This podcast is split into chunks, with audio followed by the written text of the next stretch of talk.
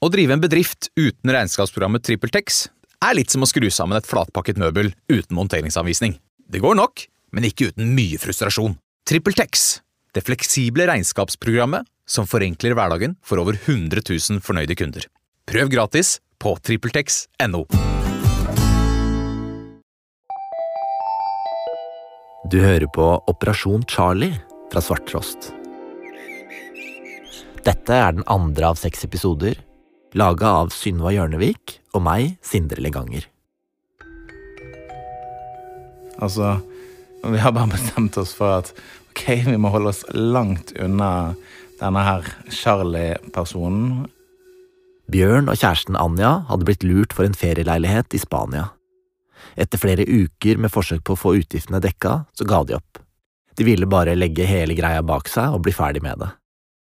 Så er det en kompis av meg som kontakter meg og sier han eh, har i lengre tid samlet inn penger til en MS-pasient som eh, har det veldig tøft. Kompisen er Hans Erik Dyvik Husby, også kjent som Hank von Helvete. Bjørn og Hank har kjent hverandre lenge, og nå forteller han at pengeinnsamlinga skal betale for en livsviktig legebehandling i utlandet. Bjørn syns det høres ut som en skikkelig fin ting å gjøre, så han vil gjerne vite mer. Jeg hopper jo da på en telefon eh, til eh, Hans Erik. Så forteller han at han har møtt en lege som var helt ufattelig fantastisk, og skal hjelpe i hele prosessen og bli med over til USA. Inni huet til Bjørn så flippes en bryter. For denne hyggelige legen høres jo kjent ut. Er Hank sikker på at han kjenner henne godt nok? Og Hans Erik sier det at ja, ja, vi, vi er gode venner, og dette er en person som virkelig vil folk vel, da. Og uh, hatt masse dialog sammen. Fantastisk dame. Helt rå. Bjørn spør hva hun heter, og Hank svarer. Charlie. Altså, jeg avbryter Hans Erik med en gang og sier vet hva, eh, du må holde deg langt unna denne personen.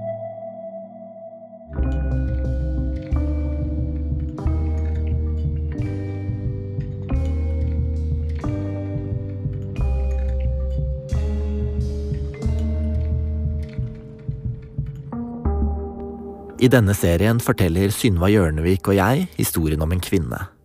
Som i årevis har lurt menneskene rundt seg. Som har svindla banker og kredittkortselskaper, sofaselgere og hundekjøpere, rikinger og alenemødre.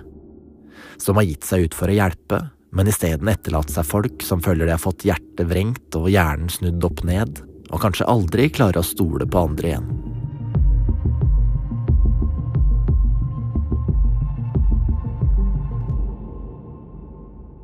I denne episoden så skrur vi tida litt tilbake. Til før Bjørn blir ringt opp av Hank von Helvete, til før de tar opp jakten på Charlie og etter hvert oppdager ting de nesten ikke tror på. Vi skal tilbake til det øyeblikket da Hank ble kjent med den vakre og hjelpsomme legen, som ifølge vennene hans framsto som et skikkelig catch. Og det er Synva som forteller. Uh, Boje, kan ikke du starte med å fortelle litt om ditt forhold til Hans Erik? Mitt forhold til Hans Erik er at um, jeg var og er hans manager. Um, det startet i 2015. Så ble vi kjent um, over en middag.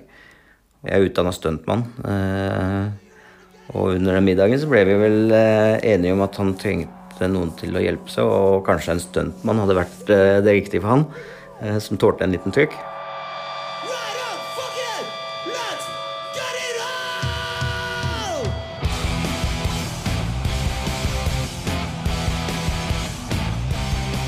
Da Boje Nytun og Hank møtte hverandre i 2015, så hadde Hank allerede vært rockestjerne i over 20 år.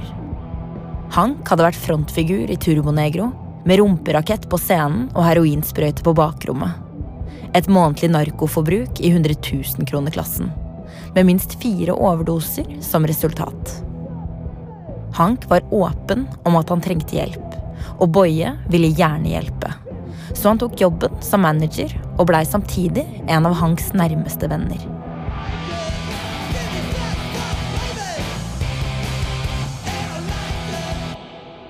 Hans Erik er, eller var, eh, veldig tillitsfull. Til tross for egentlig at han hadde vært i den bransjen han hadde vært i i så mange år, og definitivt blitt lurt en del ganger. Så var han eh, Han trodde på menneskeheten og var en godhjerta person. Så selv om han har rota og tulla det til for seg selv, så var han veldig ærlig mot de han møtte. Så han var ikke den som prøvde å utnytte eller eh, bedra andre. Altså, han eh, skadet seg selv mest. Høsten 2021 så døde Hank. Boje sa da til Se og Hør at summen av et hardtlevd liv hadde blitt for mye. Men fem år tidligere, i tida rundt 2016, var Hank på et bedre sted i livet. Han var ute av turbo, og ifølge Boje hadde han klart å slutte å ruse seg. Sammen reiste de rundt i Norge, på turné med Johnny Cash-forestilling og viser av Cornelis Vresvik. Og Hank var glad i mennesker, forteller Boje. Uansett hvordan, om det var etter en forestilling på et samfunnshus eller en diskusjon på internett, så blei Hank kjent med folk. Spesielt hvis det var damer som ville prate. Altså, Hans Erik var jo en person som ble veldig fort forelska. Han sa ofte at jeg er så glad i damer at jeg til og med har vært gift med tre av disse. Så når det kom noen søte, pene eh, jenter og viste sin interesse, så klart han eh, trodde på de. Altså, noen personer den bare klikker du med, og du vet at de ikke vil deg vondt. Julie Aurora Trippestad blir kjent med Hank i en diskusjon i et Facebook-kommentarfelt. Hans var så dyp, av altså. Vi fant liksom veldig mye forskjellige meninger. Og som sagt, vi prøvde jo å sitte og løse verdensproblemer, herre min hatt. Altså. Om uh, miljøforgiftninger og gudene vet hva ikke satt og diskuterte.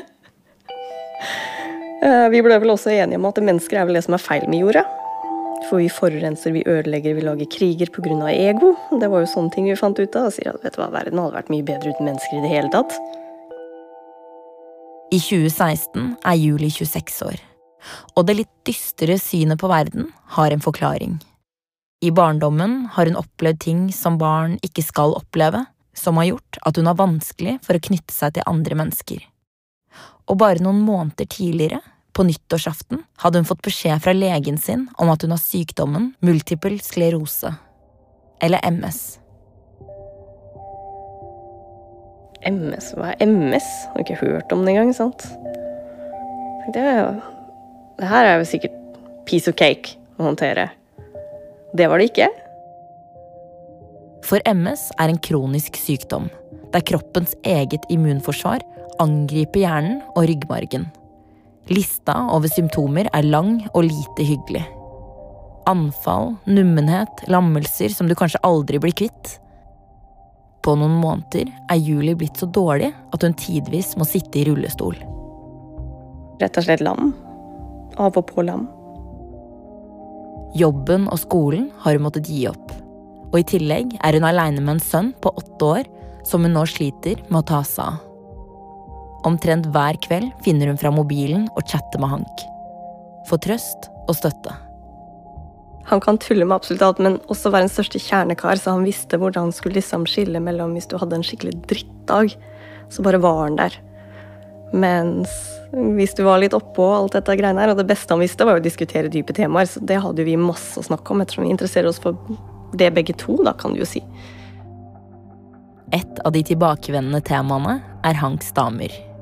Åh, han liker um, de ødelagte lekene, som jeg kalte det for. Vi er jo alle ødelagte leker til en viss grad, men han hadde en tendens til å like dem som virkelig var ordentlig ødelagte eller veldig spesielle. Så han hadde liksom en flair for de dramatiske jentene med litt mer hva kan vi kalle for, bitt i seg. da. Bare, bare så jeg, da har jeg spurt om det. altså Var det noe mellom dere to noen gang? Aldri. Han var jo som en storebror for meg, og han kalte meg for lillesøster i mange settinger, så vi var veldig, veldig gode venner og aldri vært noe mer der. En dag dukker det opp en ny kvinne i Hank sitt liv. Hans Erik og Charlie kom i kontakt eh, via sosiale medier. Hanks stuntmann-manager, Boje. Hvordan får du høre om det? Han forteller meg at han har møtt en eh, jente som eh, virker til å ha veldig ting på stell. Utdannet lege. Eh, Nysingel, men hun hadde da en bra jobb, eh, god inntekt. Eh, og ja, var rett og slett en match for Hans Erik. Så det gikk nok bare noen få uker fra de begynte å skrive, til han tenkte at det her er et, et eh, menneske jeg har lyst til å tilbringe mer tid med. Møter du henne selv? Ja. Vi møttes eh, første gang på bursdagen til Hans Erik eh, 15. juni i 2016. Hank fyller 44 år og skal feire med å se Iron Maiden på Telenor Arena. Boje og Hank varmer opp på en bar på Grünerløkka. Da kom hun eh, kjørende i en eh, flott Mercedes AMG. Gjennom barvinduet ser de en svart bil parkere i gata utafor. Eh, ut kom hun med flott sminke, dyre klær. Boje husker det som en mørk bukse, hvit bluse og en vest i svart fuskepels. Fremsto ja, som eh, noen som hadde litt ekstra. Charlie setter seg ved bordet deres. Boje husker at hun smilte og prata mye. Hun prøvde veldig hardt å bevise ting. Altså, hun var veldig på. Jeg så Hans Erik ble litt blendet av det. Altså, han tok det inn, og hun la ut veldig mye og imponerte og viste bilder fra sykehuset og med, med frakk og altså med legefrakk. Og var veldig opptatt av å imponere, da. Så det syns jeg var litt rart, men igjen, man tenker jo ikke så mye over det. Altså, hun virket til å være en, veldig, en person som, veldig, som ga veldig mye av seg selv, da. Og jeg tenkte igjen at det var kanskje et behov for å vise seg veldig fram, da. I forhold til Hans Erik, som da var, er og var en kjent person. Så er det ofte de vi har møtt, har lyst til å imponere, da. Ifølge Boje så ler Charlie av nesten alt de sier. Til og med de interne vitsene mellom han og Hank, som ikke gir mening for andre enn dem.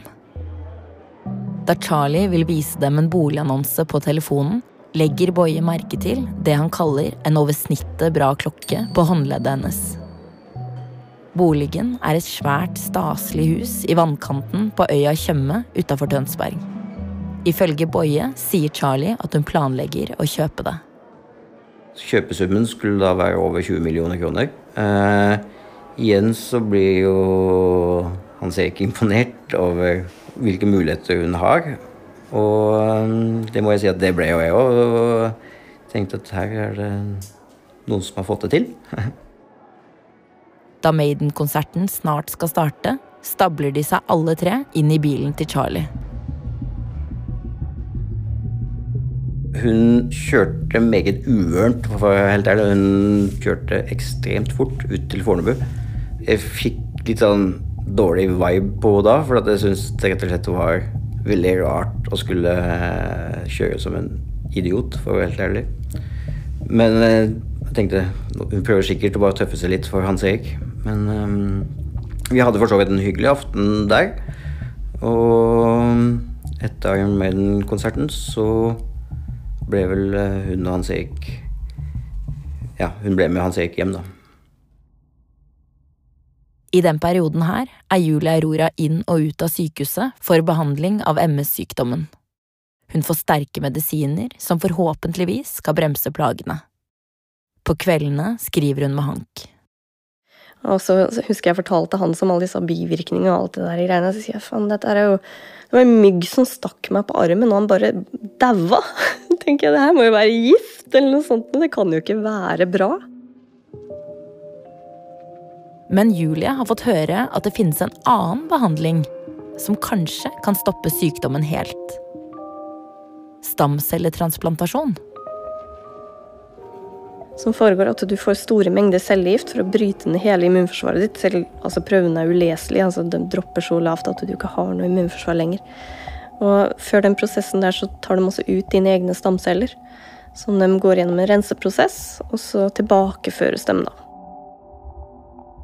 Men selv om stamcelletransplantasjon gjøres i en del land, så regnes det ikke som godt nok prøvd ut her i Norge ennå. Og i utlandet er det kjempedyrt.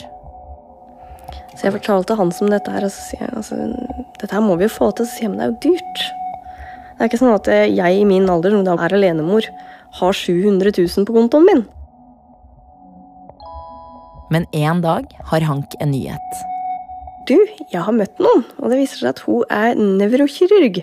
Og jeg har snakka med henne om stamcellegreiene og sånne ting. Og dette her er virkelig noe vi burde prøve å gå for, hun kjenner folk. Så hun kan ordne behandlingen for deg. Sånn at du får inngangsbilletten din der, da.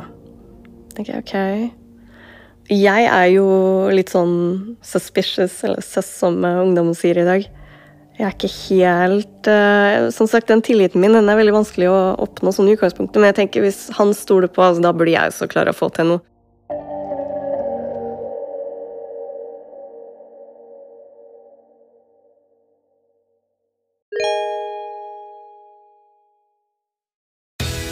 Skal du pusse opp eller bygge noe nytt? Ikke kast bort tid på å lete etter håndverkere selv. Gå inn på mittanbud.no og lag en beskrivelse av jobben du ville ha gjort. Så mottar du tilbud fra flere erfarne håndverkere som du kan sammenligne. Med mange tilbud er du sikrere på at du velger riktig bedrift, og at jobben blir skikkelig utført. Mittanbud.no få jobben gjort.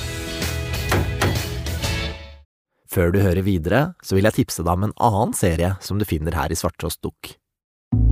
Baneheia-drapene rysta hele Norge, og lettelsen var stor da Viggo Kristiansen og Jan Helge Andersen ble arrestert. Dagen etter at de to guttene er arrestert, så smeller da alle avisene opp med store oppslag. ikke sant? VG har en forside som heter Tatt, da, hvor det er bilde av de to guttene. da.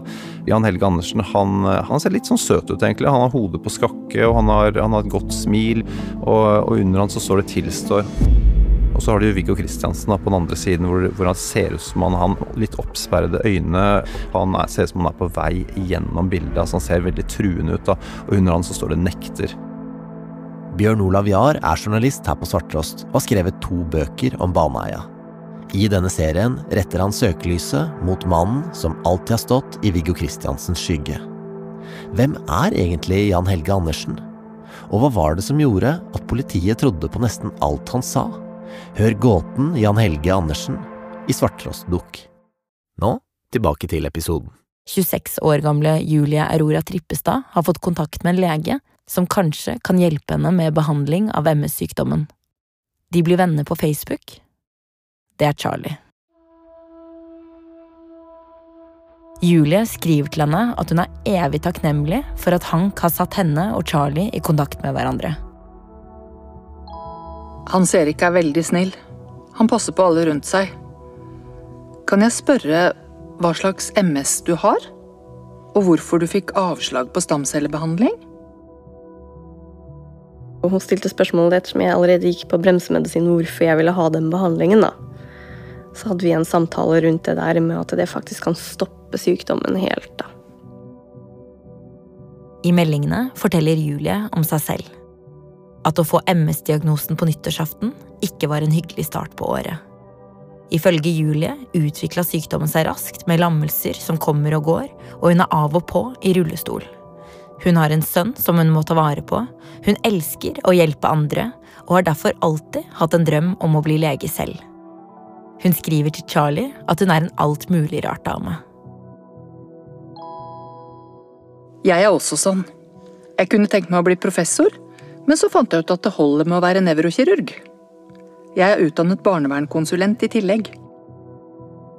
Julie syns det er imponerende. Ja, nesten litt for imponerende. Jeg snakka en god del med Hans ved siden av henne, faktisk, for at jeg ble liksom litt sånn usikker på ting. Altså, nevrokirurg har ingenting med MS å gjøre sånn sett i prinsippet, da. For det er ikke mente liksom- operasjoner i, i, for å behandle MS? liksom. Det er det ikke. Det er, det er nevrologer som spesialiserer seg på MS. Ikke nevrokirurger. Så Julie spør og graver. Siden Charlie er nevrokirurg, må hun sikkert være skikkelig presis og stø på hånda. Hvordan operasjoner gjør hun flest av? Og bruker hun moderne utstyr som laser eller vanlig kniv? Ja, om man skal ta det generelt, så er det mye aneurismer, både i hjerne og ryggmarg. Som regel er det den gode gammeldagse skalpellen, men jeg jobber også en del med gammakniv. Kirurgi for meg er så utrolig givende. Jeg elsker jobben min. Det er spennende og utfordrende. Ingen dager er like. Da ble jeg litt sånn, ok, men det kan jo hende at hun videreutdanner seg som nevrokirurg, eksempel, si. Det er jo en god del nevrologer som gjør det. Men øh, jeg hadde ikke noe sånn spesielt inntrykk verken oppe eller ned. Jeg holdt meg veldig nøytral. Jeg liker å gjøre det om folk flest. Så da gikk det litt sånn eh, fram og tilbake med sykdommen. Eh, hun ville ha noen journaler hvor hun liksom fikk se når diagnosen var satt, hva slags behandlinger som var gjort, hva slags behandlinger som eventuelt var planlagt, var vel den første samtalen handla mest om. Det utvikla seg også videre til at hun la meg til på Snapchat, hvor jeg da fikk snapper daglig av hun på sykehus. I legefrakk, med ID-badge, eh, i forskjellige settinger. Den ene var vel uh, på et røntgenrom, uh, noe på seg legeutstyr til operasjonsutstyr. Litt sånn forskjellige ting, da. Mm. På det tidspunktet, har du noen mistanker i det hele tatt? Da var de helt blåst vekk. fordi altså i mine øyer. Hun snappa meg. Det var ikke noen redigerte bilder, det var jo live feed, kan du kalle det for. det. Men hun var alltid veldig påpasselig. Det var aldri når hun var hjemme, mer eller mindre. Det var for det meste når hun var på jobb, da når jeg fikk bilder. En dag har Charlie en stor nyhet. Hei, jeg har brukt dagen på å sjekke ut en del ting. Har du råd til å ta en tur til USA med meg og Hans Erik? Jeg har funnet et flott behandlingstilbud. Charlie forteller at gjennom kontakter kan hun fikse en stamcelletransplantasjon til Julie på et sykehus i LA. Jeg fikk tilsendt papirer fra den siden som hun hadde fått tak i. Jeg vet ikke hvordan hun fikk tak i det, men om den stamcelletransplantasjonen den tilbydde der, protokollen, hele pakka. Flybilletter, visum, opphold på sykehus i flere uker. Hvis Julie vil, så kan Charlie ordne alt sammen. Og siden det er hun som drar i trådene, koster det bare en brøkdel av hva det vanligvis koster. Jeg tror kanskje det var bare en tredjedel av prisen. Det hørtes ganske søss ut, det òg. Mm. Det lukter litt sånn svidd gummi på et eller annet tidspunkt der. Men, sier Charlie, hvis Julie sier ja, så kan hun faktisk bli helt frisk. Da vil hun igjen klare å ta seg av sønnen sin helt på egen hånd. Da bestemte vi oss bare for å kjøre på, og så gikk det vel den veien til at uh, vi begynte også å finne, prøve å få fram litt penger her og der, da. Altså, Julie er så syk at hun får um, Når du har MS, så får du en del anfall. Boje Nytun, Hanks managervenn.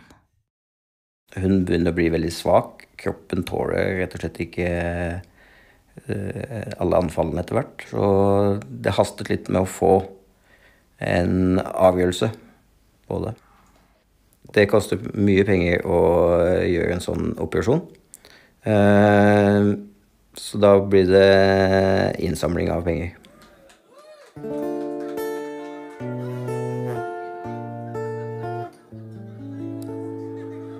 Från Öckerö låge hørs dragspel og bas. Fullmånen lyser som var den av glas. Der danser Fredrik Åkare kind imot kind. Med lilla frøken Cecilia Lind. Hank og Boje kaster seg rundt og slår på de gitarstrengene de har.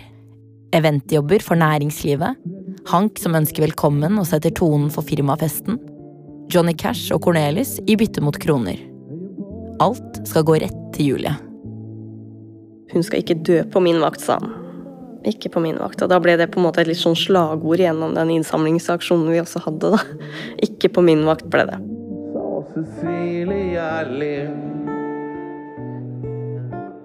Går eh, Hans Erik inn med noe selv? Nei. Hans Erik var ikke i en situasjon som at han kunne gjøre det. Eh, han hadde sine økonomiske utfordringer. Og han var egentlig flinkere til å hjelpe andre enn seg selv. Så han gikk inn med liv og lyst for å skulle hjelpe henne med å samle inn penger. Og kyss meg igjen, sa Cecilia Lind.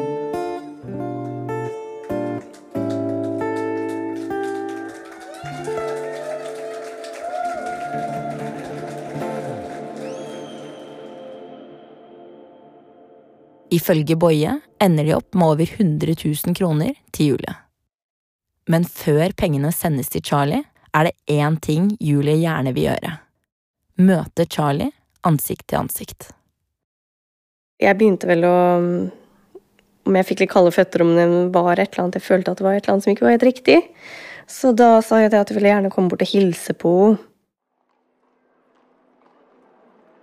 Noen dager seinere befinner Julie seg i Arendal på Sørlandet. Charlie har fortalt at hun bor her for tida, så Julie har tatt turen sammen med den daværende kjæresten sin. De har avtalt å møte Charlie på en restaurant på kaia. Julie og kjæresten ser en bil, hun husker det som en svart Mercedes, ruller sakte mot kaia. Og bak rattet sitter en dame som Julie kjenner igjen fra Facebook. Med det mørke, skinnende håret. Veldig flott hår. Og solbriller. Kommer ut og introduserer seg. Jeg blir litt sånn Oi! Det var kanskje ikke helt det jeg så for meg. Du møter jo legene på privaten, så er de jo helt andre mennesker. Sånn, så det blir sånn hm. Det var jo en litt sånn spesiell setting, kan du si, da, hvor jeg da ikke har et vennskapelig forhold til henne på den måten. Det var jo mer en sånn business transaction, kan vi kalle det for det. Sittende ovenfor hverandre ved et bord på restauranten veit ikke Julie helt hva hun skal si. Hvor skal hun starte, liksom? Julie er engstelig for alt. Helt siden barndommen har hun fått noia av å måtte stole på andre. Og nå skal hun dra til den andre siden av kloden med en dame som hun akkurat har blitt kjent med, for å gjennomgå en av de heftigste cellegiftkurene som finnes. I tillegg har hun sprøyteskrekk, og hun har lest om en slags sprøyte som skal være like stor som en femkrone, som skal settes inn i en hovedåre i halsen, så cellegiften kan pumpes rett inn i hjertet. Stemmer det, liksom? Hva må hun forberede seg på mentalt? Jeg hadde jo nervene der oppe, så jeg ville jo vite absolutt alt av detaljer. Ja, og Har Charlie noen svar, da? Hun hadde både og. Hun kunne ikke alle, absolutt alt det småtingene. Hun var sånn generelt Vi gikk jo gjennom mye av det jeg var mest redd for, da. Jeg tror vel var vel det at jeg prøvde å få litt sånn at hun skulle prøve å roe meg ned litt. Egentlig for den angsten og de nervene jeg hadde. Så derfor så ble det snakket om mindre detaljer og de større issuene jeg hadde rundt det, da. Når vi avslutta, så virka jo alt helt ok, og jeg tenkte ikke noe mer over det hun hadde sagt eller gjort, eller eh, For jeg var jo så nervøs, så jeg hadde jo ikke fokuset mitt der i det hele tatt. Jeg var mer fokusert på alt jeg skulle klare å komme meg gjennom uten å få angstanfall der jeg sto, så det var litt sånn intenst. Før de skilles, avtaler de at mens Julia og kjæresten er i Arendal, må de komme innom der Charlie bor. Hun forteller at hun ser etter et nytt og større sted, men i mellomtiden leier hun her i byen. Og litt seinere står Julie og kjæresten utenfor adressen. Hun husker ikke helt om det var en leilighet eller et helt hus, men da døra går opp, står Charlie der og viser dem inn. Jeg husker at det, det var veldig lite ting der inne, og de få tingene som var der, de eh, så veldig sånn shabby ut. Så tenker jeg ok, hvis du har såpass mye penger og alt dette greiene her, hvorfor tar du ikke bedre vare på ting, eller kjøper deg finere ting, eller Shabby ting, altså hvordan ting var det der, liksom? Rare møbler og litt sånn uh, stæsj her og der i sånne klumper. Kanskje at det lå litt ting borti et hjørne der, og så kanskje det lå en gruppe med ting der borte, og litt sånn spredt rundt. Og det var ikke sånn typisk som jeg ville sett for meg det var innvendig, men det er jo, folk har jo forskjellige stiler, så du kan jo aldri vite hva du går til sånn sett. Melding fra Charlie til Julie. Jeg passer på deg hele tiden. Jeg vet at du ikke kjenner meg, men meg kan du stole på 100% Jeg stiller opp som en venn, ikke bare lege. Julie svarer at Hans Erik og Charlie er to veldig verdifulle mennesker. Så godt å høre. Det er sånn leger skal være. Vi er medmennesker, vi også. Skal man ha denne jobben, så må man ha empati. Og så overføres pengene som Julie og gjengen har klart å samle inn så langt. 132 871 kroner til Charlies konto. Nå er det bare å vente på avreisedagen om noen uker. Imens blir Julie sykere. Jeg var veldig dårlig på det tidspunktet. Jeg hadde attakker på attakker, så jeg var ut og inn på sykehuset hele tida. Du har noe som heter et EDSS-score, som går fra én til er det ti, tro? Ti, da er du dau. Og jeg var på en åtte. Så det sier jo hvor, hvor farlig det begynte å bli der på slutten. For å holde motet oppe forteller Julie sønnen sin at når mamma kommer tilbake, så kan alt bli som før. Da vil de kanskje kunne leke sammen igjen. Han ble jo litt involvert i dette her, han òg, for han måtte jo forberedes litt på hva jeg skulle gjennom. Det ble lenge borte, og de tingene der, da. Det er som sagt at kan hende at mamma blir veldig, veldig mye bedre.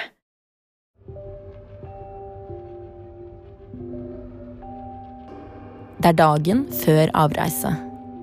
Julie er hos kompisen Richard. Kjæresten hennes fikk ikke til å være med, men Richard har sagt ja, og planen er at de skal dra herfra sammen neste dag. Koffertene til Julie står klare i gangen, og nå sitter de foran dataen og sjekker at alt stemmer. Ifølge Julie har Charlie sendt dem flybillettene på e-post, visum er fiksa, en sjåfør som skal frakte dem mellom hotellet og sykehuset skal være bestilt. Alt virker å være i orden. Så får jeg brått en samtale fra Hans Erik, hvor han sier jeg, jeg er så lei meg for å si dette her, og jeg gråter mens jeg sier det, sier han. Men jeg tror at vi blir svindla, sa han. Ifølge Julie forteller Hank at en kompis av han, Bjørn, nettopp har ringt. Og sagt at Charlie skulle leie ut en leilighet til Bjørn i Marbella, men at alt viste seg å bare være løgn. Er du sikker, sa jeg. Er du sikker? Eh, For jeg var jo, det var jo dagen før. Jeg hadde jo pakka liksom mentalt gjort meg klar til at du, nå, nå skjer det, nå reiser vi. Så jeg var fortsatt litt sånn Hva er det du snakker om? Hvem er denne personen som har ringt deg? Jeg kjenner jo ikke til dette mennesket, jeg. Eh, Så det ble litt sånn Jeg gikk gjennom en helt sånn sjokkfase, men hvem, hva, hvor og hvordan har dette her skjedd? Hans Erik han var på det tidspunktet der helt panisk for å prøve å finne ut av dette her. Så han slutta rett og slett å ringe til oss og prøvde å ringe rundt til alle andre rundt der for å finne ut om dette her faktisk stemte, at det, hun var en svindler. Imens ringer Julie og Richard reiseselskapet. De leser opp billettnummer og referansekoder. Hm, sies det i andre enden. Her har det skjedd noe rart. Flybillettene eksisterte ikke, de numrene vi hadde fått. De eksisterte en stund, men de hadde da blitt avbestilt. På det tidspunktet hvor du måtte innser at eh, ok, det er, eh, jeg har blitt lurt, liksom. Mm. Hvordan er det? Det er jo en ganske øh, merkelig prosess å gå gjennom, for du tenker liksom jeg vet jo såpass mye bedre.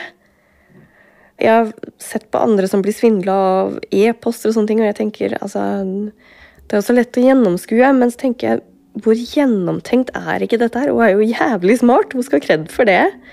Når du går, altså, du går inn på et sykehus. Men jeg begynte å stille spørsmål ved det. Hvordan kan sykehuset tillate at dette her skjer? Men for Julie er det aller verste hvordan hun skal forklare det som har skjedd, til sønnen sin. Jeg ble jo da ganske skuffa også. for jeg tenker da, Skal jeg si da til sønnen min at vet du hva, det ble ikke noe av? Så det var liksom det jeg kjente mest på, var jo den skuffelsen han ville oppleve. da, For han hadde jo liksom gledet seg til at mamma skulle komme litt mer tilbake igjen. da. Så det var ikke noe veldig ålreit. Det er som jeg sier, at tuller du med ungene mine, da, da blir det krig.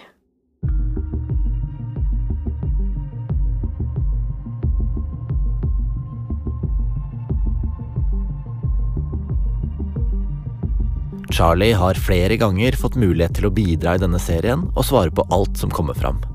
Det har hun ikke ønska. Og Charlie er ikke det ekte navnet hennes.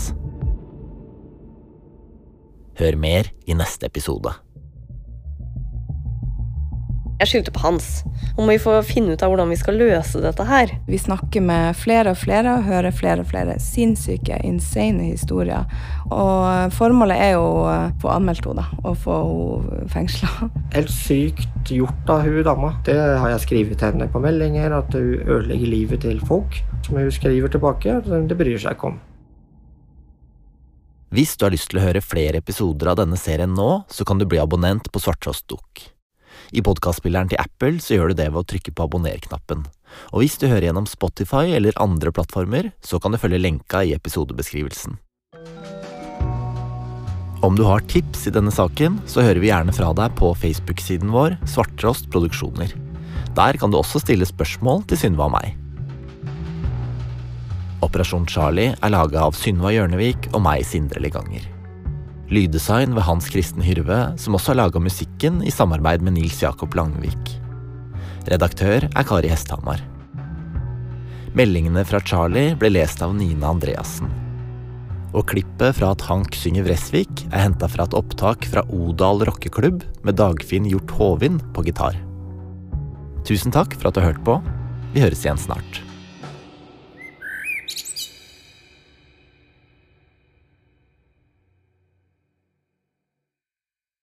Resten av denne serien er eksklusiv for abonnentene våre. Du kan bli abonnent ved å søke opp Svarttrost Dukk i podkastspilleren til Apple eller i Spotify. Hos Apple så kan du trykke på abonner-knappen i appen, mens i Spotify så kan du følge lenka i episodebeskrivelsen. Og hvis du har spørsmål, så finner du oss i Svarttrost på Facebook og Instagram. Driver du en liten bedrift? Da tenker du sikkert at dette er en reklame for fiken. Men det er det ikke, for vi er Folio. Folio er en banktjeneste for bedrifter, og vi er fikenbrukerne sin absolutte favoritt. Med Folio får du nemlig en superenkel nettbank og kjappere regnskap. Dessuten får du påminnelser om alt du ellers må huske på. Med Folio er alt samlet på ett sted, og du får umiddelbart kontroll over utgifter og kvitteringer. Besøk folio.no og se hvorfor bedrifter foretrekker oss fremfor de store bankene. Folio smartere enn banken.